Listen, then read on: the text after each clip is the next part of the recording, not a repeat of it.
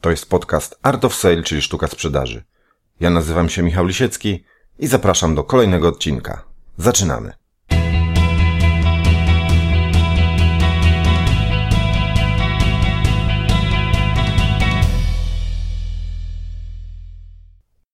Witam wszystkich słuchaczy w kolejnym odcinku podcastu.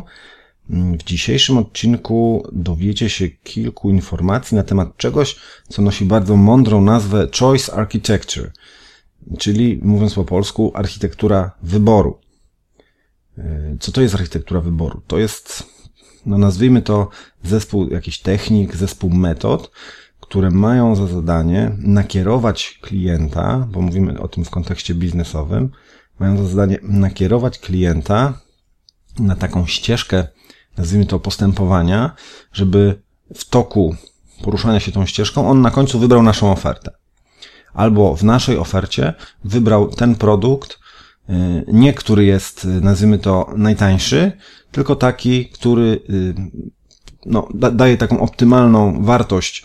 To znaczy, my na tym zarabiamy, a jednocześnie klient otrzymuje y, wartość taką, że jest z tego zadowolony ponieważ y, no, jest szeroka rzesza klientów, którzy w swoich decyzjach kierują się tylko i wyłącznie ceną, nie patrzą to jak z tego słynnego mema. Nieważne, że niedobre, ważne, że tanie.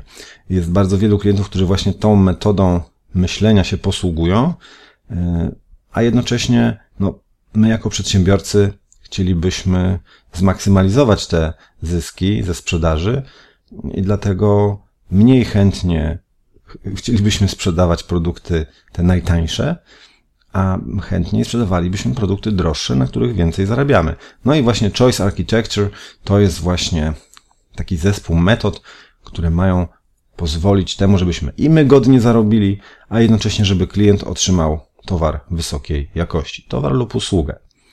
I tym właśnie zajmuje się architektura wyboru. E, jakiś czas temu miałem okazję mówić o architekturze wyboru na poznańskich dniach przedsiębiorczości i to, co za chwilę usłyszycie, jest właśnie zapisem tamtego mojego, nazwijmy to, wykładu. Także bardzo zapraszam Was do wysłuchania, no i życzę ciekawych wrażeń.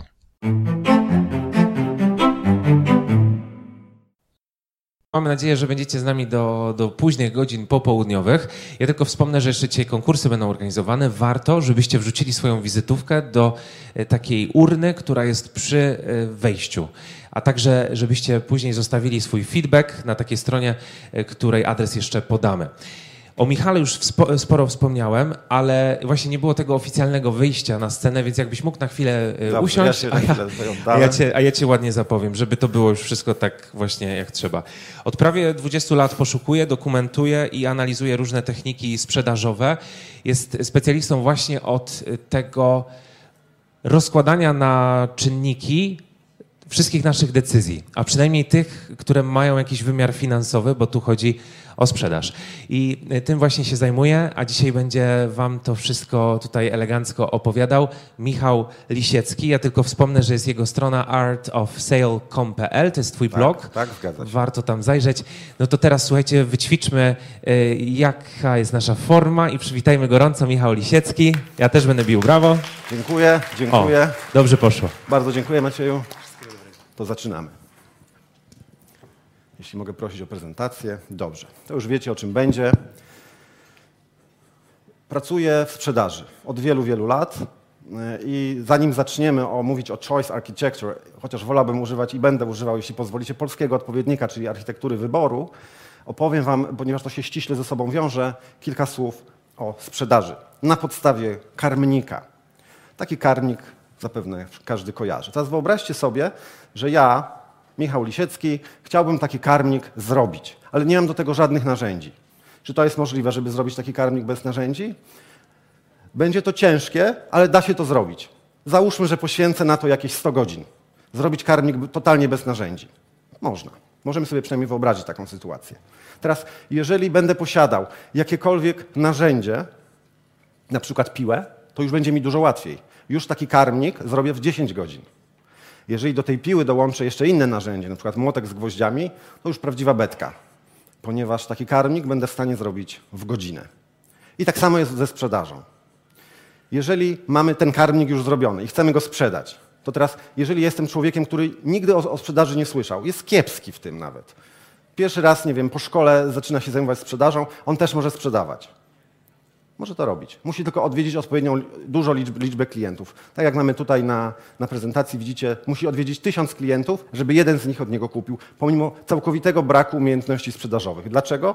Ponieważ ten jeden klient akurat w tym momencie, kiedy go odwiedził ten handlowiec, on tego potrzebował. Po prostu miał szczęście.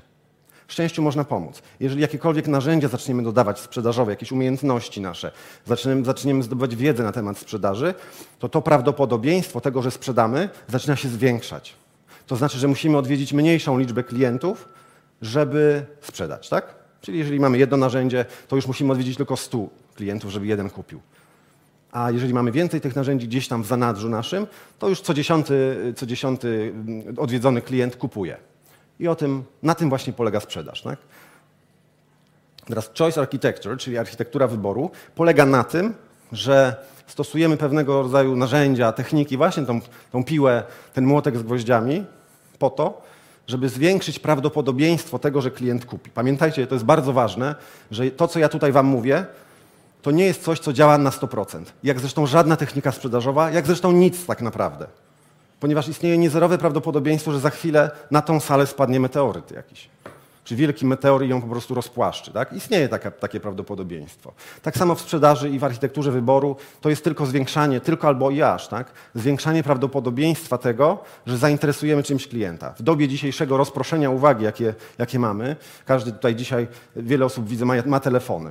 Niektórzy nawet patrzą w te telefony. To jest właśnie to rozpraszanie uwagi. A zadaniem sprzedawcy, zadaniem handlowca, czy to będzie wirtualny handlowiec, czy pra prawdziwy, jest pozyskanie tej uwagi, ponieważ przez pozyskanie uwagi zwiększa się prawdopodobieństwo, że klient kupi. Naszą opowieść o architekturze wyboru zaczniemy na tym lotnisku, o, o ciężkiej do wymówienia nazwie Schiphol, czy jakoś tak, w Amsterdamie. Otóż w 1999 roku, 1999 roku borykali się z dużym problemem, straszliwym bajzlem, jaki panował w męskich toaletach. Po prostu użytkownicy męskich toalet nie potrafili z nich właściwie korzystać. I żadne tam karteczki w stylu proszę zachowaj czystość czy coś takiego nie działały. Zadziałało coś innego. Mucha. Mucha naklejona na dnie pisuaru spowodowała, że w ciągu kilkunastu miesięcy, kiedy tam od, od, od, pojawienia się tej muchy, kiedy ludzie e, z tego lotniska zrobili podsumowanie, wyniki finansowe sobie podsumowali, to wyszło, że 80% wydatków na czyszczenie toalet jest mniej tylko dlatego, że jest tam mucha na dnie. Dlaczego, tak, dlaczego ta mucha pomaga? Dlatego, że facet musi mieć cel. W życiu, w pracy musi mieć cel.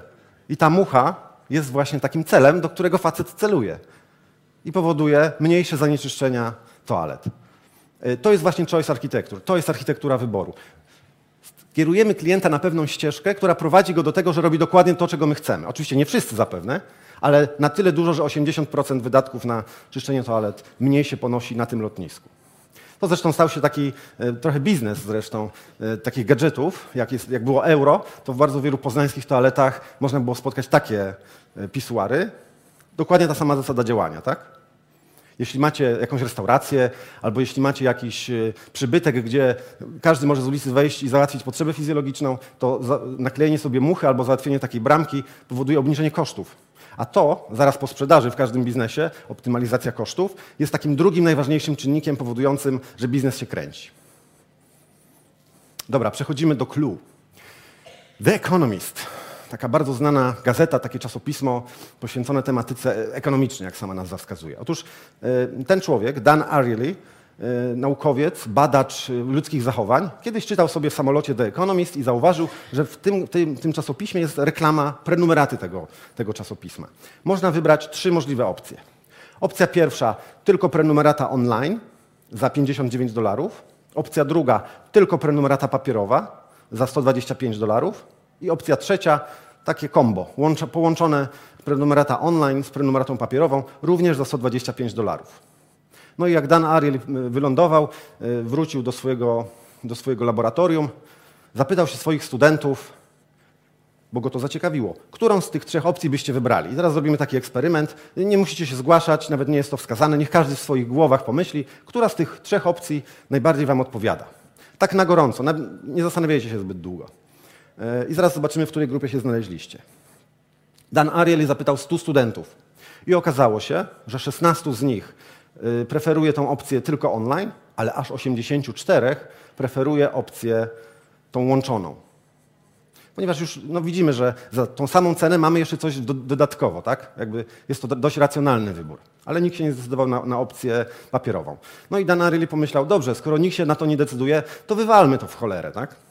I usunął tą środkową część. I znowu zapytał swoich 100 studentów, którą teraz byście woleli opcję. Zobaczcie, jak zmieniły się wyniki. Natychmiast, tutaj y, macie na czerwono podświetlony test poprzedniego slajdu, natychmiast nastąpił odpływ tej przeważającej liczby klientów z tej opcji najdroższej na opcję najtańszą. Czyli ta środkowa y, opcja, której nikt nie wybrał, ona ma bardzo ważne zadanie. Ona ma takie samo ważne zadanie jak w teorii względności Einsteina. Ponieważ teoria względności Einsteina między innymi mówi o tym, że nie jesteśmy w stanie stwierdzić, czy się poruszamy, czy nie, jeżeli nie mamy punktu odniesienia. I tym punktem odniesienia w przypadku zakupów prenumeraty jest właśnie ta środkowa opcja. Ona jest takim, można powiedzieć, wabikiem, który sprawia, że my już wiemy, patrzymy na to i mówimy, tego bym nie wybrał, ale porównując wszystkie trzy oferty, najbardziej korzystna jest dla mnie ta łączona. I zobaczcie, klient nie wybiera najtańszej. Klient wybiera tą, gdzie za te same pieniądze dostaje najwięcej, tak? Pamiętajcie, opcja środkowa jest tylko wabikiem. Jeżeli macie jakiś sklep, jeżeli macie internetowy czy, czy fizyczny, pamiętajcie, żeby umieszczać tam takie produkty, które na przykład są sakramencko drogie, ale ich, zresztą będę dzisiaj pokazywał takie produkty, ale ich zadaniem nie jest się sprzedać. Ich zadaniem jest tylko i wyłącznie być punktem odniesienia. Zdjęcie wczoraj zrobione, także najświeższe dane. Może nie każdy czyta The Economist, ale pewnie każdy z Was kiedyś był w McDonaldzie i jadł frytki. Zwróćcie uwagę na, na to menu. Czy ktoś z Was kiedyś kupił małe frytki dla siebie? Pewnie nie bardzo. Najmniejszą, najmniejszą macie na to ochotę. Dlaczego? No bo to jest właśnie ta prenumerata papierowa. Najmniejsze frytki są najdroższe, jeżeli w przeliczeniu na kilogram. Tak? Zobaczcie, tutaj macie przeliczone małe, średnie i duże frytki w przeliczeniu na kilogram. Więc te małe frytki są tylko i wyłącznie punktem odniesienia, żebyście kupili opcję średnią lub dużą. Opcja średnia tylko 70 groszy. Co to jest 70 groszy? Co za tam dzisiaj można kupić? Chyba nic. Więc dodajecie nic i macie 150% więcej frytek, tak? Dodajecie złoty 40, no też niezbyt dużo i macie 200% frytek. Dlatego nikt nie kupuje małych frytek w McDonaldzie, no wiadomo, nikt w cudzysłowie. Bardzo mało osób kupuje małe frytki, dlatego że one są tylko punktem odniesienia. I kierują, to jest właśnie ta architektura wyboru, kierują, ukierunkowują, torują, tak się to naukowo nazywa, torują klientów na frytki średnie i frytki duże. Jednym z takich najbardziej znanych przykładów architektury wyboru są półki w supermarkecie. I jestem pewien, że jakbym każdego z Was zapytał, która półka w supermarkecie sprzedaje najlepiej, to każdy by wiedział. Ta na wysokości naszego wzroku. Tak? Natomiast to jest taka wiedza publiczna, każdy o tym wie. Natomiast bardzo często ludzie zapominają o tym, że często, gęsto ludzie robią zakupy z dziećmi. I te dzieci też mają głowy, tak dla przypomnienia. Zobaczcie, Dlatego półki na wysokości głowy dziecka to są również półki, które się najlepiej sprzedają. Tak? Zwróćcie uwagę zresztą na tym przykładzie. Mamy y, Lubisie, od góry do dołu, tak do wysokości tam powiedzmy siedmiolatka, a na, tam już wyżej, zobaczymy, czy to zadziała, wyżej mamy coś dla mamy, tak? Jakieś tam fit. I knopersy, czyli to, co w Polsce się promuje jako pożywienie dla dorosłych w czasie przerwy y, takiej w pracy, no nie? a nie jako przekąskę dla dzieci. Dla dzieci mamy tutaj, na wysokości ich wzroku. Od najmniejszego już można e, indoktrynować młodzież, żeby kupowała coś słodkiego. Notabene, nie wiem czy wiecie, że jak ktoś robi zakupy z dziećmi, to wydaje 20% więcej niż jak robi zakupy bez dzieci. Dlatego y, handlowcy, sprzedawcy, sklepy będą robić wszystko, żebyście dzieci zabrali ze sobą na zakupy, ponieważ to zwiększa im obroty. Zwróćcie uwagę tutaj, tutaj mamy też architekturę wyboru. I o ile ta lodziarnia sprzedałaby mniej lodów, gdyby nie miała takich schodków, po których dziecko może zajrzeć do tej lodziarki i, zobaczyć, i wybrać sobie lody. Kto jest największym, naj, najlepszym klientem lodziarni? Dzieci. Dlaczego? Bo one nie patrzą na cenę. One patrzą tylko na to, co im się podoba. Dlatego ten gość z tej lodziarni nad morzem zrobił genialną, genialną myśl. On naprawdę zrobił architekturę. postaci tych schodów. Zbił z czterech desek schody. Pamiętacie, mówiłem wam o, o, o, tej, o pile i o młotku i o schodach i o robieniu karmnika. On sobie zrobił paśnik, można powiedzieć. Nie karmnik, tylko paśnik dla swoich najlepszych klientów. Słuchajcie, nazwy też mogą być częścią architektury wyboru. Na pewno kojarzycie właśnie, tak jak tutaj mamy lody naturalne. Na pewno kojarzycie takie lodziarnie, gdzie jest napisane lody prawdziwe albo lody naturalne. Kojarzycie? Kojarzycie. Teraz wyobraźcie sobie, że obok tej lodziarni stoi inna lodziarnia, gdzie jest napisane lody. I nic więcej. Mamy lody naturalne i lody, lody. Słuchajcie, ludzie mają to do siebie, że bardzo często polaryzujemy swoje y, opinie, swoje myślenie. Jest albo tak, albo inaczej. Albo czarne, albo białe. Albo z nami, albo przeciwko nam. Już nawet Biblia mówi, bądź gorący albo zimny. Prawdopodobnie z tego się to wzięło. Słuchajcie, więc jeżeli mamy lody naturalne i lody, to co jest przeciwieństwem naturalnego? Sztuczne, a co najmniej nienaturalne. Więc jak mamy do wyboru lody naturalne i lody nienaturalne, to ja już nawet nie myślę o tym. Ja idę do lodów naturalnych. Dlatego odpowiednio dobrana nazwa do naszego przybytku, sklepu internetowego, naszego sklepu prawdziwego, powoduje, że przyciągamy albo nie, w zależności od otoczenia, uwagę klientów i oni chętnie u nas kupują albo nie. IKEA. Masz 365 dni, żeby zwrócić towar. Inne bardzo ważne poczucie, które człowiek musi mieć, jest poczucie bezpieczeństwa. Ile jest przeciętnie y, na oddanie rzeczy w sklepie? 14 dni, takie standardowe tam przez prawo przewidziane. Powiedzmy 14 dni, jak kupujesz przez internet. Czasami się w sklepach odzieżowych zdarza, że przez 30 dni można oddać. IKEA popchnęła to po prostu, wiecie, w kosmos. 365 dni. Poczucie bezpieczeństwa ludzi gwałtownie wzrosło. Ludzie lubią kupować tam, gdzie czują się bezpiecznie. Nie chodzi o bezpieczeństwo. Wiadomo, że nikt nie myśli o tym, że zawali nam się sufit na głowę, ale bezpieczeństwo naszej kasy, tak? Bezpieczeństwo naszych ciężko zarobionych, jak to wiele osób mówi, pieniążków.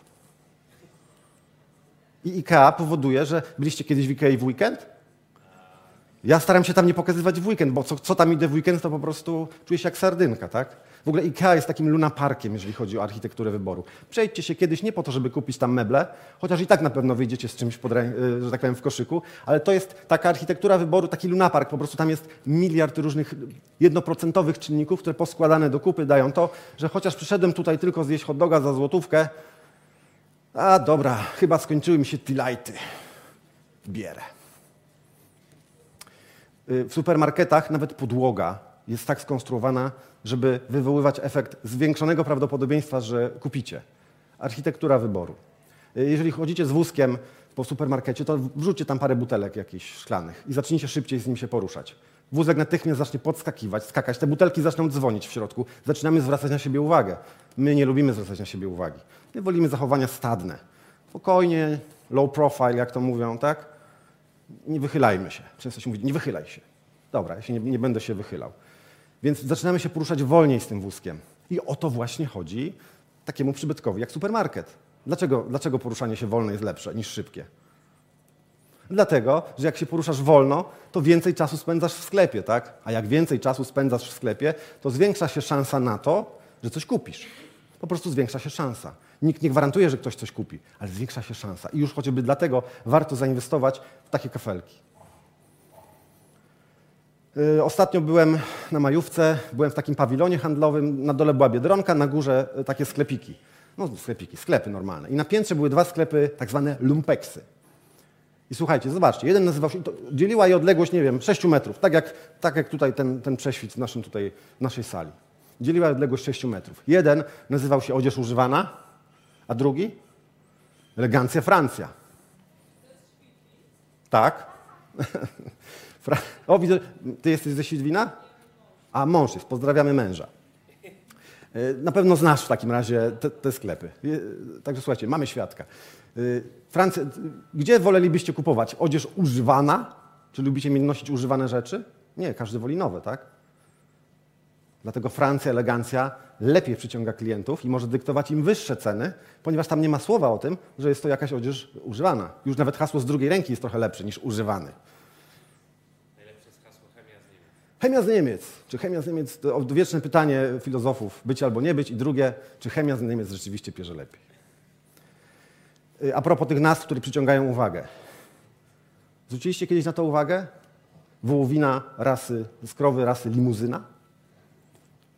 Jest taki region we Francji, który się nazywa, nie wiem, nie, jestem, nie władam językiem francuskim, zakładam, że mówi się to limuzin, ale od tego, od tego pochodzi słowo limuzyna, czyli luksusowy samochód. Kto jeździł luksusowym samochodem?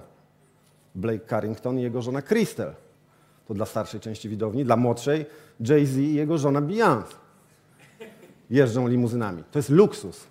Więc jeżeli przychodzi przeciętny konsument do sklepu i myśli sobie limuzyna, już w jego głowie zaczynają zapalać się lampki luksus, luksus, luksus. Co prawda nie stać mnie na limuzynę i może nigdy nie będę nią jechał, ale zjeść sobie kotleta, limuzynę, to mogę. Zobaczcie, nazwa, która odwołuje się do produktu luksusowego, kieruje w naszą stronę klientów, którzy chcą spróbować, bo nigdy nie jedli limuzyny w kotlecie. Dzisiaj mogą i są w stanie więcej za to zapłacić. A o to nam chodzi. Parówki. Już samo słowo parówka to takie jest troszeczkę, leży obok obelgi. Czasami się do kogoś mówi, ty parówo. To jest takie obelżywe, prawda? Już parówka nie kojarzy nam się zbyt dobrze. Dlatego żadna parówka, nawet szynki, gdzie jest 93% mięsa, nie ma, proszę ja was, startu do czegoś, co nazywa się kiełbaska wiedeńska. Jeśli robicie zakupy w popularnym markecie niemieckim, na pewno się z tym spotkaliście. I teraz, kto wybierze parówki, kiedy może jeść kiełbaski wiedeńskie? Już tylko tak dla informacji wam powiem, że to jest ten sam produkt. To jedno i drugie jest parówką. Tylko w Polsce nazywa się to parówką, a tam, gdzie to wymyślono w Wiedniu, nazywa się to kiełbaską wiedeńską. Kiełbaska to brzmi już naprawdę porządnie. Parówka to już wiadomo. Kopyta, ścięgna i co oni tam jeszcze wkładają. Dzisiaj wegetarianie nie mają ze mną łatwo. Y, kolejny przykład y, tutaj dotyczący wyrobów masarskich. Zobaczcie, wątrobianka. No brzmi tak, że nie każdy się, że tak powiem, połaszczył, można powiedzieć. Tak, taki trochę bieda produkt z wątroby, tak? z podrobów. Ale wątrobianka po świniobiciu to już brzmi jak produkt regionalny. Wiecie, tu od gospodarza, właśnie wczoraj mieli świniobicie, słyszałem imprezę i to jest na pewno z tej świnki, karmionej najlepszymi polskimi ziemniakami, a nie jakimiś tam, jakąś chemią i zastrzykami w tyłek, gdzieś na farmie świńskiej, tak? Tak samo smalec po świniobiciu. Ten dodatkowy element po świniobiciu powoduje, że nasza uwaga już zupełnie inaczej odbiera tego rodzaju produkt, tak? Dobra, wegetarianie mogą odetchnąć. Słuchajcie, jest książka Harry Potter. I tam jest takie bardzo, bardzo silne zaklęcie Avada Kedavra, które zabija ludzi. Jest to jedno z najsilniejszych zaklęć w tej, w tej powieści. W, w, rzeczywistości takiej handlowej, sprzedażowej również jest zaklęcie, które działa dokładnie tak samo na ludzi. Robi im wodę z mózgu. Tym, tym słowem jest słowo gratis.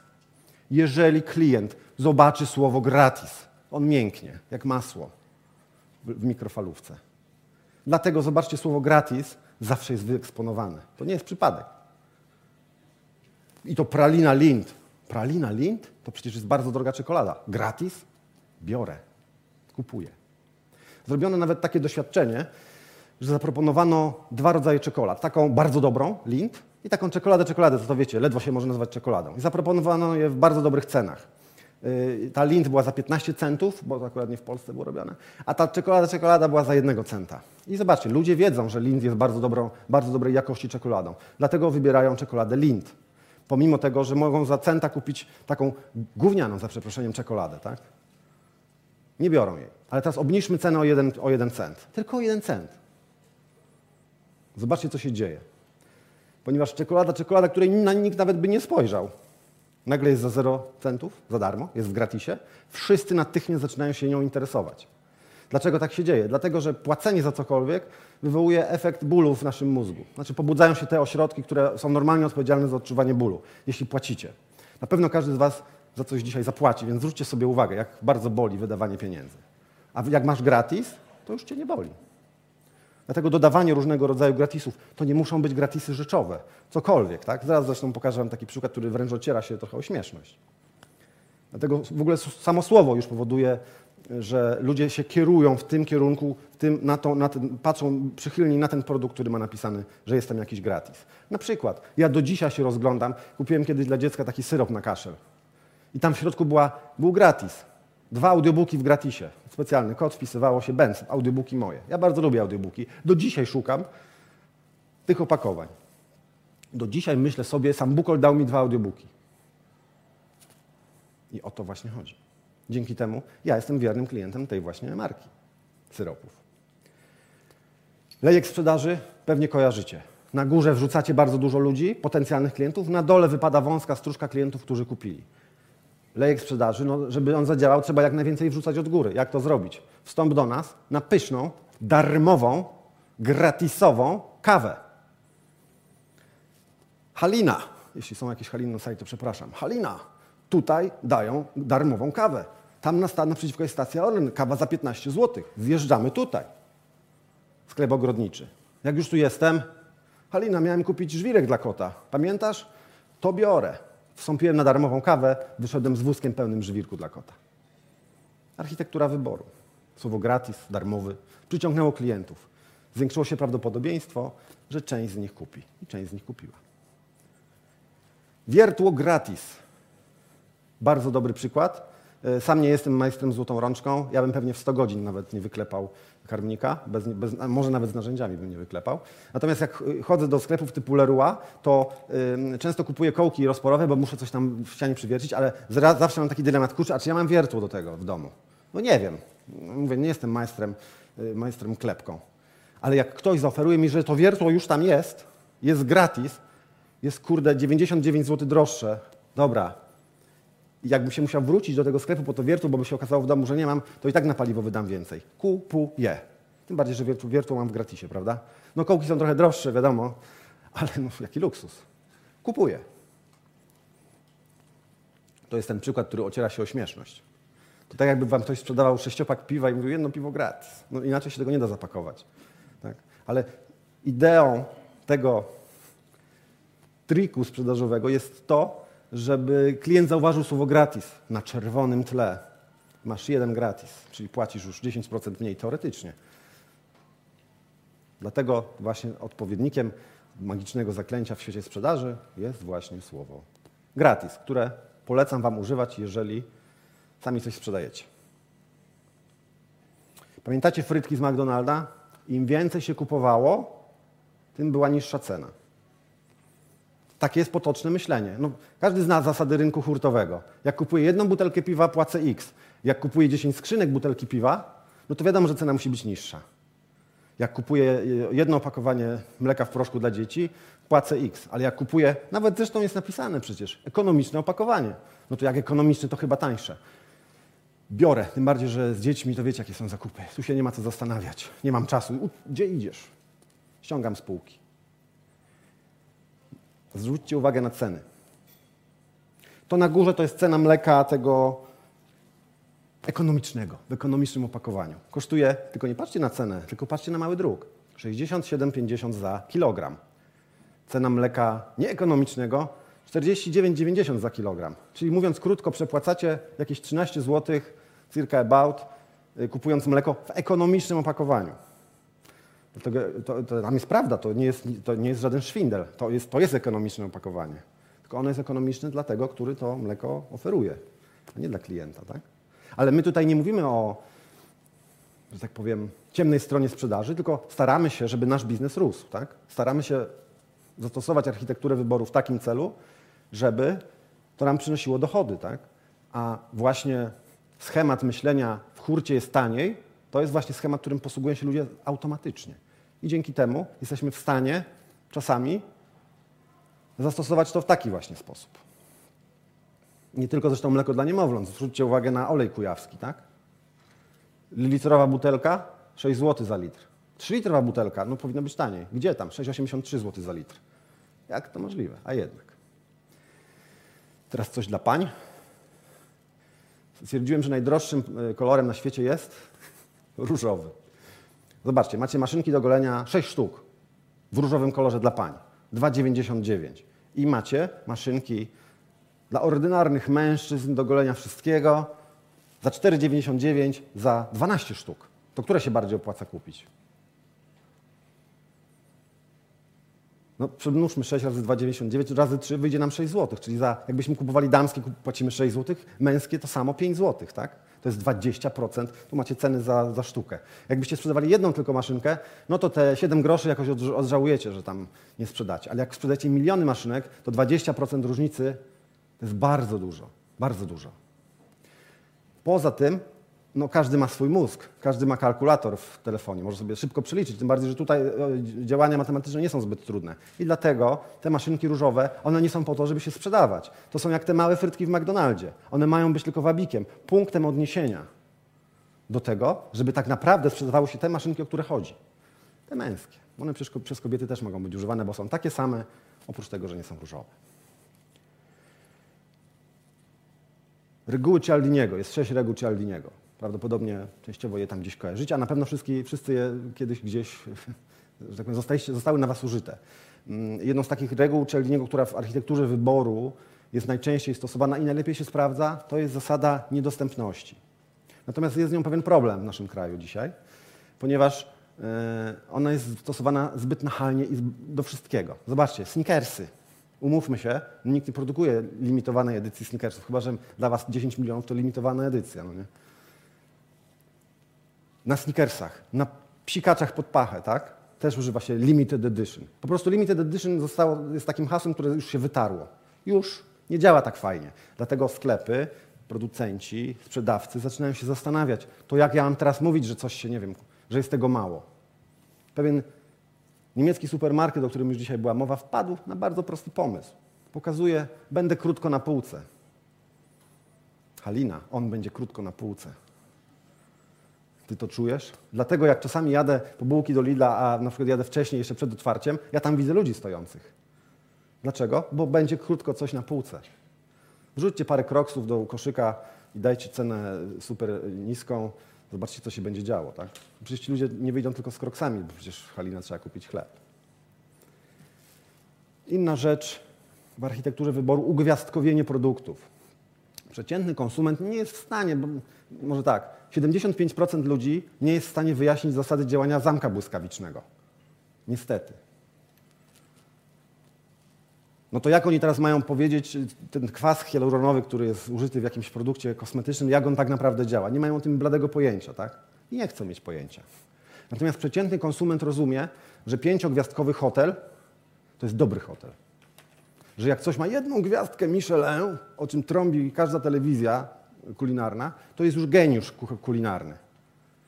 Im więcej gwiazdek, tym lepiej. To jest taki skrót myślowy. Już nie myślimy o tym, co on tam w środku ma, jakie ma składniki, czy ma ten kwas hialuronowy, czy nie ma, w ogóle o co tutaj chodzi, ale ma pięć gwiazdek. Za to się oczywiście płaci. Producent takiego żelu musi zapłacić za to, że sklep wystawi mu naklejkę z pięcioma gwiazdkami. Tak, tak czy inaczej, gwiazdki to jest też bardzo prosty sposób przekazania informacji do klienta: kup mnie, bo ja mam pięć gwiazdek tak jak pięciogwiazdkowy hotel, obok którego przejeżdżałeś na majówkę, jadąc na majówkę.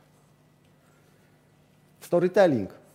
Storytelling też jest używany w architekturze wyboru. Mamy twaróg bez GMO, tak? Czyli krowy, które żarły trawę czy coś tam, dały mleko i z tego mleka powstał twaróg. I te krowy, jak to jadły, to one nie dostawały paszy, która pochodziła z produktów tych słynnych GMO, tak? Czym się różni twaróg bez GMO od twarogu? Historią krowy. Tylko i wyłącznie. Jaka była historia krowy, która dała mleko na ten twaróg? Tak możemy później mówić o, o samym produkcie. I to tak jak z tymi lodami naturalnymi. Mamy twaróg bez GMO, a obok twaróg. Czyli jak ten nie ma GMO, to co ma tamten? Ma GMO. Bipolarne myślenie. Czarny, biały. Z nami, przeciwko nam. Poza tym zwróćcie uwagę, że jest to potwierdzone badaniami laboratoryjnymi. Myślicie, że to jest proste, karmić krowę czymś, co nie zawiera GMO? Na tym się trzeba dobrze skupić. Trzeba zrobić testy, zrobić selekcję dostawców itd., tak itd. Tak to kosztuje. Dlatego taki twaróg nie może kosztować tyle samo, co zwykły twaróg, bo on jest lepszy. Tu mamy taki antyprzykład z, z zastosowania choice architecture. E, to tak jak ta odzież używana. Nikt nie chce nosić odzieży używanej. A macie ochotę na, resz na resztki? Lubicie, lubicie resztki? Bo ja nie lubię. I wy na pewno też nie lubicie resztek. Dlatego e, reklama w stylu wyprzedaż resztek Firan nie zrobi na was większego wrażenia. Gdyby tam było napisane ostatnie sztuki, oj, to już coś innego. Ostatnie sztuki, które są krótko na półce, to jeszcze coś innego, tak? Ale wyprzedaż resztek, na to nikt się nie zgodzi. chodzicie do kina, widzieliście taką reklamę w kinie? Fotele VIP? Już bez wgłębiania się zbytniego w temat. To jest też tylko wabik. To jest y, odnośnik, punkt odniesienia do, do cen zwykłych biletów. Halina, zobacz, fotel VIP, ile on kosztuje? O Jezu, nie. Zwykły bilet wystarczy. Naprawdę. Zobacz, jaki tani jest. Spójrz na ten fotel. Fotel jest tylko wabikiem. Małe frytki, fotel VIP. Są to tylko i wyłącznie wabiki. Jak wchodzicie do sklepu RTV, to też widzicie telewizor za 30 tysięcy. Nie no, fajny, fajny. Ale 30 tysięcy. Tam jest taki za 5, też fajny. To ja go kupię. To właśnie nam ten telewizor ma się sprzedawać, a nie ten za 30 tysięcy. Inny przykład wabika. Czekolada za 22 zł za 100 gram. Tu jest 10,90, ale to jest opakowanie 50-gramowe. Ile kosztuje czekolada tak przeciętnie? Są tu jacyś czekoladożercy? Oj, to droga, nie. Taka czekolada za 2, za dwa tam 20 też, też można kupić. Taką dobrą, normalną. 2,20, tu mamy 22, 10 razy więcej. Ale ta czekolada nie ma się sprzedawać. Ta czekolada ma być punktem odniesienia, wabikiem, żeby... Dlatego na przykład jeśli macie sklep i wstawicie tam, tak jak mówiłem, produkt bardzo drogi, na przykład jest pewna sieć restauracji włoskich, która w menu ma skuter. Vespa. Otwierasz menu, pierwsze co ci się rzuca w oczy, wielkie, taka, taka ramka z napisem Vespa, 2000 euro. No to na tle 2000 euro, wiadomo, że nikt nie kupuje skutera w restauracji, ale na tle 2000 euro wino za 100 euro już nie wydaje się tak drogie, prawda? Zwiększa się prawdopodobieństwo, że któryś tam z kolei klient stwierdzi, nie no 100, 100 euro to dobrze, co innego gdybym skuter miał kupić, tak? Dlatego w sklepie warto sobie postawić produkt, który nie ma się sprzedawać. Ma być punktem odniesienia. Czekolada. Jesteśmy nadal tutaj w obrębie czekolady. Zwróćcie uwagę na te dwie czekolady, które ważą dokładnie tyle samo 100 gram. I tylko jedna z nich jest 40%, ma powierzchnię tą czołową, którą, z którą styka się klient, aż o 42% większą niż ta druga czekolada. Więc ona się wydaje bardziej atrakcyjna. To nie jest nawet downsizing słynny, tak? gdzie zatrzymujemy cenę, a zmniejszamy liczbę produktu. Tu się nic nie zmienia, ona po prostu staje się trochę bardziej płaska, ale gramatura zostaje zachowana. Więc jak klient ma do wyboru taką wielką czekoladę i taką zwykłą, normalną, cena się zgadza, wszystkie są te same, ja biorę tą większą. Większe znaczy lepsze. Najbardziej znane takie popularne hasło, że tak powiem, ekonomii stosowanej. Im więcej, tym lepiej, prawda? Mam więcej pieniędzy, tym lepiej. Im mam więcej zdrowia, tym lepiej. Im, im więcej mam nie wiem, domów, samochodów, tym lepiej. Im większa jest czekolada, którą kupuję, to lepiej dla mnie. Dopiero w domu się orientuję, że tak naprawdę to jest ta sama czekolada. Tak? Ale już zakup został dokonany. Nie zostałem oszukany. 100 gram. Nie zostałem oszukany. Wszyscy się cieszą. Każdy jest zadowolony. Win-win situation. Czy macie, mamy tutaj na sali użytkowników takiego banku, co kiedyś był zielony, a teraz stał się czerwony? Nie ma w Poznaniu takich użytkowników? Ja, to ja jestem takim użytkownikiem. Słuchajcie, ten bank, być może wasze banki działają podobnie, to jak tak, to się ujawnijcie, że tak powiem. E, czasami bank przysyła ci y, zmianę warunków, tam regulaminu, tak, że się zmieniają taryfy, jakieś opłaty, coś tam. Wysyłają takie kartki. Ktoś to czyta? Nie sądzę. Jak jest ktoś, kto czyta, niech się naprawdę ujawni. Będę mu bił brawo. Brawo! Brawo! Dla tych państwa. Ale pracujesz w banku, tak? Nie, tylko opłaty mnie interesują. A, tylko opłaty Cię interesują. Dobra. Czyli jak tam dalej jest coś zaszyte, nie wiem, że nie wiem, że nerkę na przykład oddajesz im, to nie. Oddałeś, okej. Okay. Słuchajcie, nikt tego nie czytał oprócz dwóch osób na tej sali. Natomiast jak bank przys... i teraz myślimy sobie, bank mi coś takiego przysyła. Przecież to są wyrzucone pieniądze. Moje pieniądze, tak? Przysyłają mi kupę śmiecia, wycinają drzewa. Ile drzew padło pod to? Ja to wyrzuciłem do kosza, w ogóle tego nie przeczytawszy. Co innego, jak bank w gratisie przysyła mi płytę z Chopinem. Pół godziny muzyki Chopina zupełnie za free i na tej samej płycie jest oczywiście ten, ta zmiana regulaminu bankowego, tak? której i tak nikt nie czyta. Ale ja tego nie wyrzucę. Ja tego do dzisiaj nie wyrzuciłem. Muzyka Chopina, no nie słucham, ale może kiedyś się przyda. Może będę robił takie fanfaranfa przyjęcie w domu i wtedy puszczę muzykę Chopina, tak? I jak ten bank, co kiedyś był zielony, a teraz jest czerwony, zrobił się już całkowicie czerwony, to przysłał mi znowu niedawno y, taki, taką aktualizację regulaminu. I tym razem co mi przysłał? Ponad pół godziny muzyki Johannesa Brahmsa. Też nie słucham, ale może kiedyś posłucham. Nie wyrzuciłem. To nadal jest u mnie w domu, w dziale płyty CD z muzyką klasyczną. I teraz zobaczcie, jak czasami sobie stoję i przeglądam, to informacja marketingowa tego banku nadal na mnie działa. Jakbym wyrzucił to, zmiał i wyrzucił do śmieci, informacja marketingowa nigdy już do mnie nie wróci. A jak mam taką płytę z Bramsem, którego nigdy nie słucham, ale tam czasami sobie przeglądam, czasami gdzieś mi się wpadnie w, wpadnie w ręce, to natychmiast logo San, Santander, no powiedziałem. Logo tego banku ciśnie mi się na usta, tak? I to, jest, to jest informacja marketingowa, która w drobny, ale jednak sposób na mnie oddziaływuje. Ponieważ już jestem ich klientem, więc jestem jeszcze bardziej ich klientem, tak? Jeszcze, mniejsze mam, jeszcze mniejszą mam ochotę na to, żeby przestać być ich klientem. Przecież oni dali mi już Chopina, Brahmsa. Zobaczymy, co będzie dalej. Może metalikę, kiedyś będzie metalika.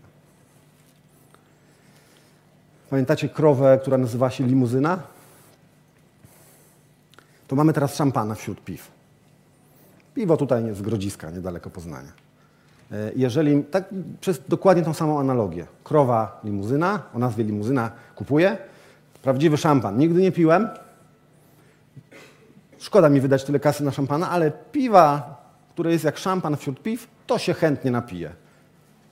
I kupuję. Chociaż to piwo jest dwa razy droższe od zwykłego piwa, ale jest szampanem wśród piw. To jest taka, taki skrót myślowy znowu powstaje. Ja nie muszę tłumaczyć teraz, gdybym chciał, będę między innymi mówił o tym na, na, warsztacie z Elevator Pitch. Gdybym chciał wam teraz tłumaczyć, że to piwo jest naprawdę dobre i w ogóle super robione z najbardziej i tak dalej, bym was powiedział w trzy minuty. A jak ja powiem szampan wśród piw, ktoś nam wszedł na częstotliwość, słuchajcie.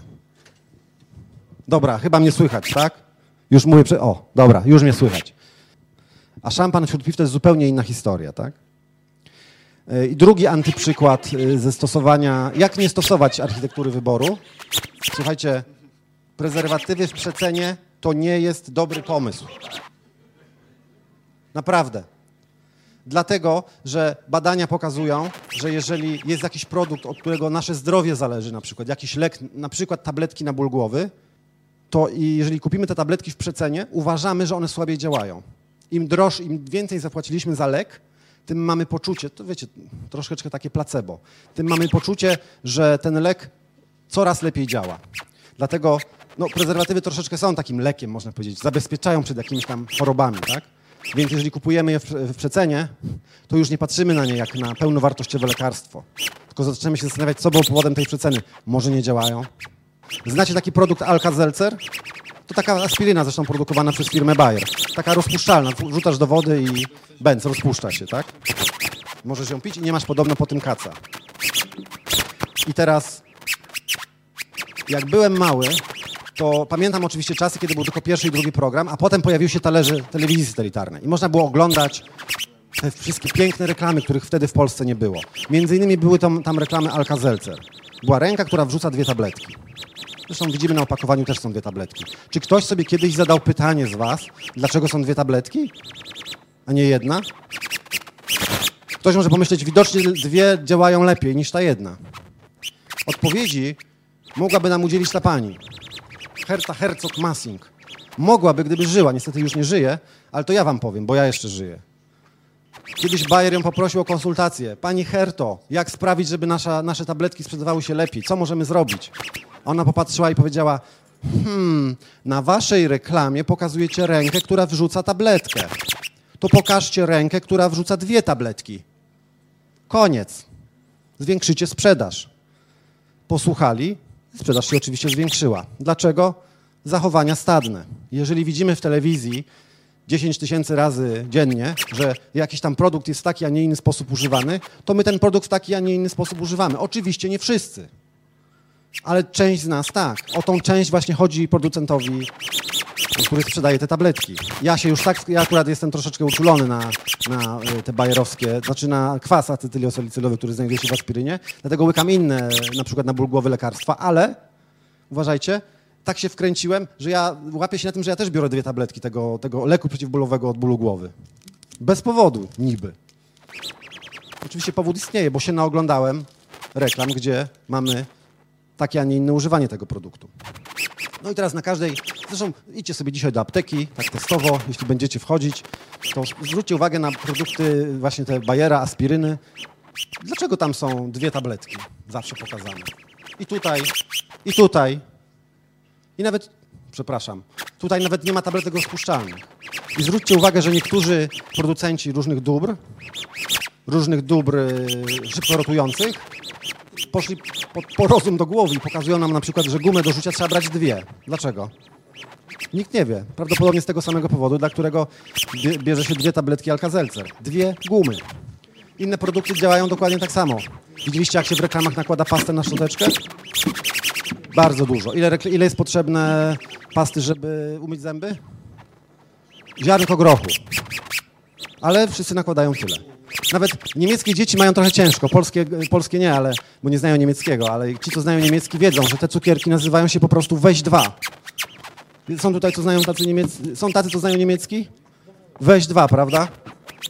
Czyli już, już, już sama nazwa zachęca do tego, żeby brać więcej. Żeby, dlaczego? Żeby się szybciej kończył produkt, tak? Żeby trzeba było kupić szybko następną paczkę. I na koniec, dla tych, którzy żyją częściowo z tego, że ktoś wręcza im napiwki. Słuchajcie, napiwki, sz- sztuka pozyskiwania napiwków to jest naprawdę sztuka. To może być sztuka. Zobaczcie. Zamiast prosić o napiwki w stylu wrzuć napiwek, zbieramy na wesele, bo i takie się zdarzają, albo po prostu wrzuć napiwek, puszka na napiwki, można zrobić coś, co jest bardzo na czasie, tak? Gra o Tron czy Stranger Things. I każdy lubi się, ludzie lubią gry, więc będą w taką grę grać. Let's play a game, jak mówił y, w pewnym słynnym horrorze, tak? Główny bohater. Więc ludzie będą w takie gry grać i będą wrzucać do puszek. Oczywiście te puszki później wylądują, wylądują w jednej kieszeni, tak? Ale tak czy inaczej jest to dużo lepszy, ciekawszy sposób, żeby ukierunkować klienta, żeby tą architekturę stosować w taki sposób, żeby klient wrzucił te parę groszy, tak? I słuchajcie, to nie jest, odes- od, to nie jest odosobniony przypadek. Można zrobić tak. Można zrobić tak. Odnosimy się do jakichś tam kultowych dzieł popkultury na przykład i bęc. Zbiera, zbieramy więcej napiwków, bo ludzie zostali utorowani na to, żeby zagrać w grę. To już nie jest dawanie napiwku, to jest granie w grę. Która drużyna lepsza? My czy oni? Pamiętacie? Dualność postępowań? My albo oni. No i na koniec takie pytanie, które tutaj z Maciejem żeśmy yy, na początku omawiali. Czy to wszystko jest jakaś wielka, jedna wielka ohydna manipulacja klientem? Czy nie mamy takiego poczucia? Słuchajcie, to co ja wam tutaj pokazałem, to jest siekiera. Ja wam pokazałem, jak siekiera wygląda, jak działa, jak można jej używać, co można za jej pomocą zrobić. I teraz już tylko od was teraz zależy, czy wy weźmiecie tą siekierę i z nią zrobicie to, co główny bohater filmu American Psycho, Patrick Bateman. Oglądaliście ten film? Widzę, że nie wszyscy. To sobie obejrzyjcie, co on robił z siekierą. Więc od was będzie zależeć, czy z tą siekierą zrobicie to, czy może za pomocą tej siekiery po prostu zbudujecie karmnik. I ten karmnik sprzedacie później zadowolonemu klientowi, który będzie miał zadowolonego malucha, dziecko jakieś, które będzie karmić ptaki i one też będą zadowolone. I wy też będziecie zadowoleni, ponieważ w waszych kieszeniach zostanie kasa, która pozwoli wam rozwijać wasze firmy. I tego wam z całego serca życzę i bardzo dziękuję wam dzisiaj za uwagę. Do zobaczenia. Michał Lisiecki. Dziękuję, Michał. Bardzo dużo bardzo ciekawych y, przykładów. Cieszę się. Czyli ten karmnik y, to rzecz, y, którą mógłbyś zrobić, ale czy ostatecznie zrobisz? Mówiłeś, że nie masz tej żyłki. Nie, nie, nie, nie mam. Co to, to nie. Czyli Psycho. A, no tak. A jak IKEA to robi, że przychodzę tylko po T-Lighty, a wychodzę z tyloma rzeczami? I tak na dobrą sprawę zawsze mam wrażenie, że cena jest atrakcyjna. Y, Na przykład za pomocą liczby 9. Jeżeli na końcu ceny jest dziewiątka, masz większą chęć na kupno, ponieważ postrzegasz taką cenę jako bardziej atrakcyjną, bo jest taka troszkę, jakby z przeceny troszeczkę, z okazji. Masz okazję, jedyną być może okazję w życiu, żeby coś kupić. Tam są chyba tylko same dziewiątki, bo Bardzo dużo jest dziewiątek. Bardzo ta dużo. cena, której się spodziewałem, a ta cena, którą dostaję, jest, to są dwie, dwie różne ceny. Ale wziąłeś już do koszyka. Ale tak. Y, W ogóle chciałem tylko powiedzieć, na samym początku prezentacji powiedziałeś, że może jest się tak zdarzyć, że takie prawdopodobieństwo jest, że spadnie meteoryt. Muszę ci powiedzieć, że przez kilka minut się czułem taki trochę zagrożony. Aha, okej. Nie wiem, czy to świadczy dobrze o mojej inteligencji, ale gdzieś jakby sama, sama wizja tego, że faktycznie prawdopodobieństwo jest, dała mi do myślenia. A to przepraszam, że cię przestraszyłem. Nie, no, nie chciałem. Jak patrzę, to jednak dużo bezpieczeństwa też y, ludzie odczuli od ciebie, bo, Nie, bo zostali i chętnie... Zróbmy, jest bezpiecznie dzisiaj, naprawdę. I jest bezpiecznie. E, powiedz, e, są te gwiazdki, na przykład jak ten kosmetyk e, polecany dla mężczyzn. Na półce sklepowej ma dodatkowy emblemat, żeby skusić. Tak się składa, że niedawno Google zaczął bardzo zasysać gwiazdki z różnych e, profili społecznościowych. Na przykład, jeżeli ktoś ma jakiś produkt, ma jakąś ocenę, ma średnią ocenę, to Google od razu to pokazuje już w wynikach wyszukiwania. Czy o to chodzi, że coraz więcej będzie tego, y, tego gwiazdkowania wszystkiego? Czy jest to taki trend? Tak, bo to jest bardzo prosty sposób, żeby pokazać klientowi kup to, bo to jest dobre. Zamiast mu pokazywać, możesz przeczytać 196 opinii, których on i tak nie przeczyta, bo nie ma na to czasu, pokazać mu 5 gwiazdek. O, 5 gwiazdek to znaczy, że dobre. A powiedz Michał, czy w takim razie z tobą żona nie ma łatwo, bo jak idziesz na zakupy, to rozkładasz na czynniki pierwsze te wszystkie e, sposoby, którymi nas wodzą za, za nos? Moja żona nienawidzi chodzić ze mną do sklepów, ponieważ e, ja po prostu zamiast robić zakupy, to robię zdjęcia. Faktycznie trochę I tego może masz. to potwierdzić, jest tutaj, możecie ją zapytać. Tak? Okej, to, ja, to ja tylko zapytam ciebie, jak, jakbym mógł na sekundę, jak, jak mąż się zachowuje na zakupach? Y, Jak paparazzi. Jak paparazzi, czyli wszystko musi uwiecznić, a czy on czasem coś kupuje? Tak, chodzi y, z listą przygotowaną przeze mnie, to wtedy tak, skupia się wtedy na produktach. Ale tak Musi czasami mieć cel, tą jak, y, jak faceci po prostu. Lista cel. pomaga, Lista chociaż nie jest, nie jest stuprocentowym pewnikiem, że rzeczywiście nic do tej listy nie zostanie dopisane w ostatniej chwili. A to zdjęcie przy pisuarze też ty robiłeś? Y, To z tą muchą, ta, tak, to ja. A, no tak. Ale powiem ci, że faktycznie jest tego trochę. Teraz jak sobie o tym myślę, to, to faktycznie to teraz zresztą pewnie wszyscy panowie będą tego, tak, tego tak, wypatrywać. wybierzcie się, wybierzcie się i szukajcie. A czy są takie techniki, które jednak działają na męża? Mimo, że on się na tym zna, to jednak zawsze w to się łapie. Reguła niedostępności. I tu od razu potwierdzam tak, jak mi ktoś powie, jak na przykład jestem w supermarkecie i sprzedawca mówi do mnie, ale wie pan, zostały już tylko dwie sztuki, to ja już się pocę, myślę, myślę sobie, znaczy jakby powiedział jedna sztuka, to bym, na, to bym się nie dał nabrać, bo myślę sobie, taką jedną sztukę obmacaną już przez milion klientów, to ja nie chcę, ale jak jest jeszcze druga w magazynie nietknięta, chyba będę musiał się Tak. zdecydować, bo wiesz, będę krótko na półce, no nie? No więc to jednak y, też nawet na specjalistę działa. Dokładnie tak. Nawet to działa nawet na tych, którzy o tym wiedzą.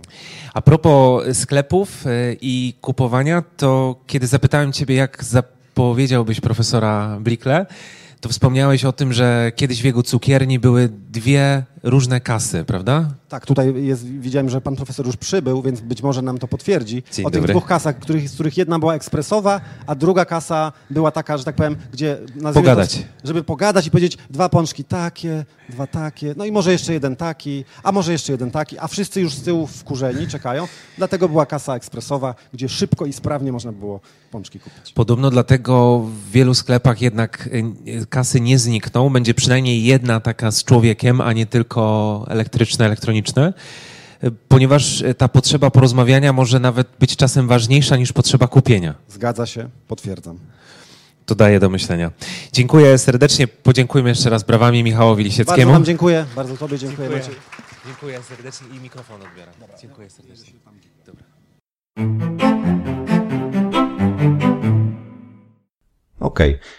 Teraz już wiecie, czym jest architektura wyboru, jak się nią posługiwać, a jak się nią nie posługiwać. I mam nadzieję, że będzie to dla Was źródłem wielu inspiracji w tworzeniu czy w prowadzeniu właśnie swoich y, jakichś biznesów, jakichś swoich firm, budowania swoich marek. Na koniec jeszcze tylko chciałem dodać, że tego nagrania, tego zapisu mojego wykładu o architekturze wyboru mogliśmy posłuchać dzięki uprzejmości sprawnego marketingu, ponieważ sprawny marketing prowadził zapis audio-wideo mojego wystąpienia i tak jak mówię, dzięki ich uprzejmości możemy sobie dzisiaj tego posłuchać. Ok, bardzo dziękuję wszystkim za uwagę w dzisiejszym odcinku. Ja będę się już żegnał. Z tej strony mówił do Was Michał Lisiecki. Do usłyszenia następnym razem. Cześć!